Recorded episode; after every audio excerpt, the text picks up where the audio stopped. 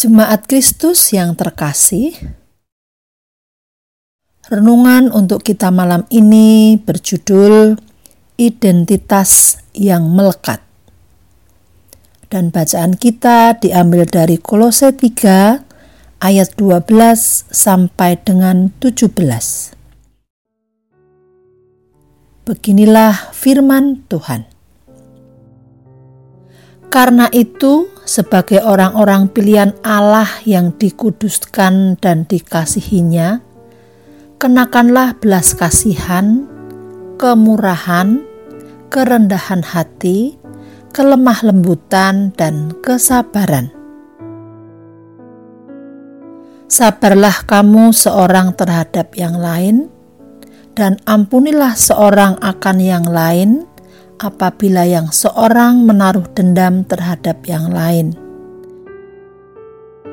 Sama seperti Tuhan telah mengampuni kamu, kamu perbuat jugalah demikian.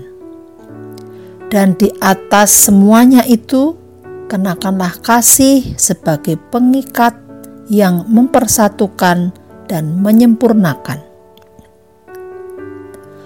Hendaklah damai sejahtera Kristus memerintah dalam hatimu, karena untuk itulah kamu telah dipanggil menjadi satu tubuh. Dan bersyukurlah.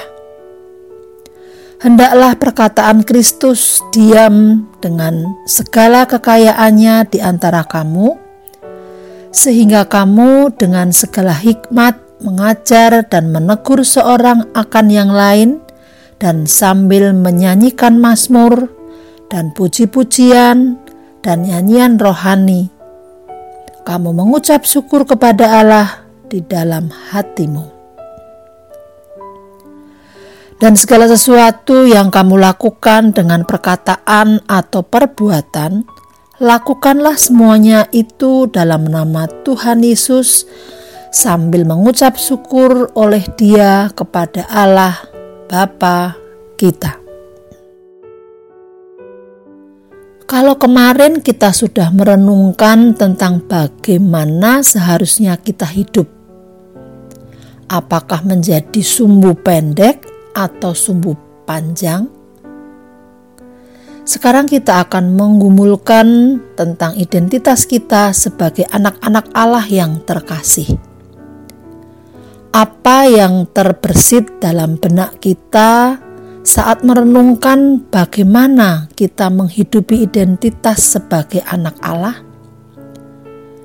Setidaknya dalam bacaan kita saat ini kita dapat melihat bahwa menjadi anak-anak Allah yang terkasih tidak mudah di tengah dunia yang mementingkan diri sendiri.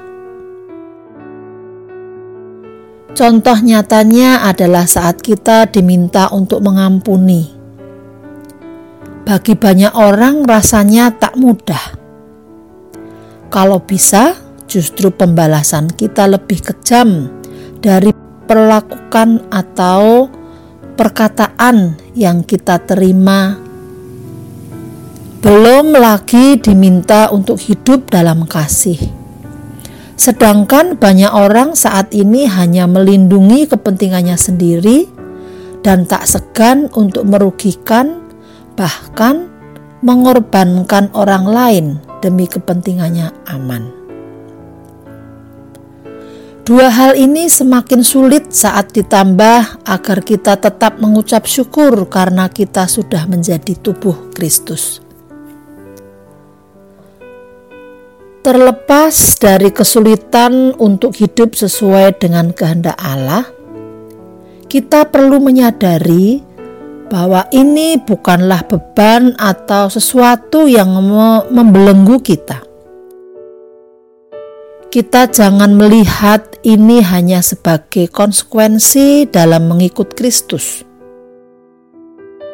Justru seharusnya kita melihat ini sebagai anugerah saat kita tidak sama dengan dunia ini.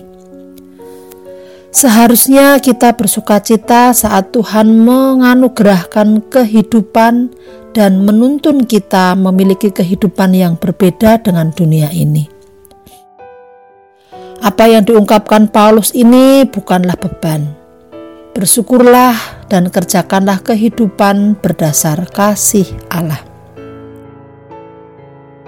Jadilah pelita-pelita kecil bagi sekitar kita dengan menjalani hidup yang penuh kasih dan penuh syukur.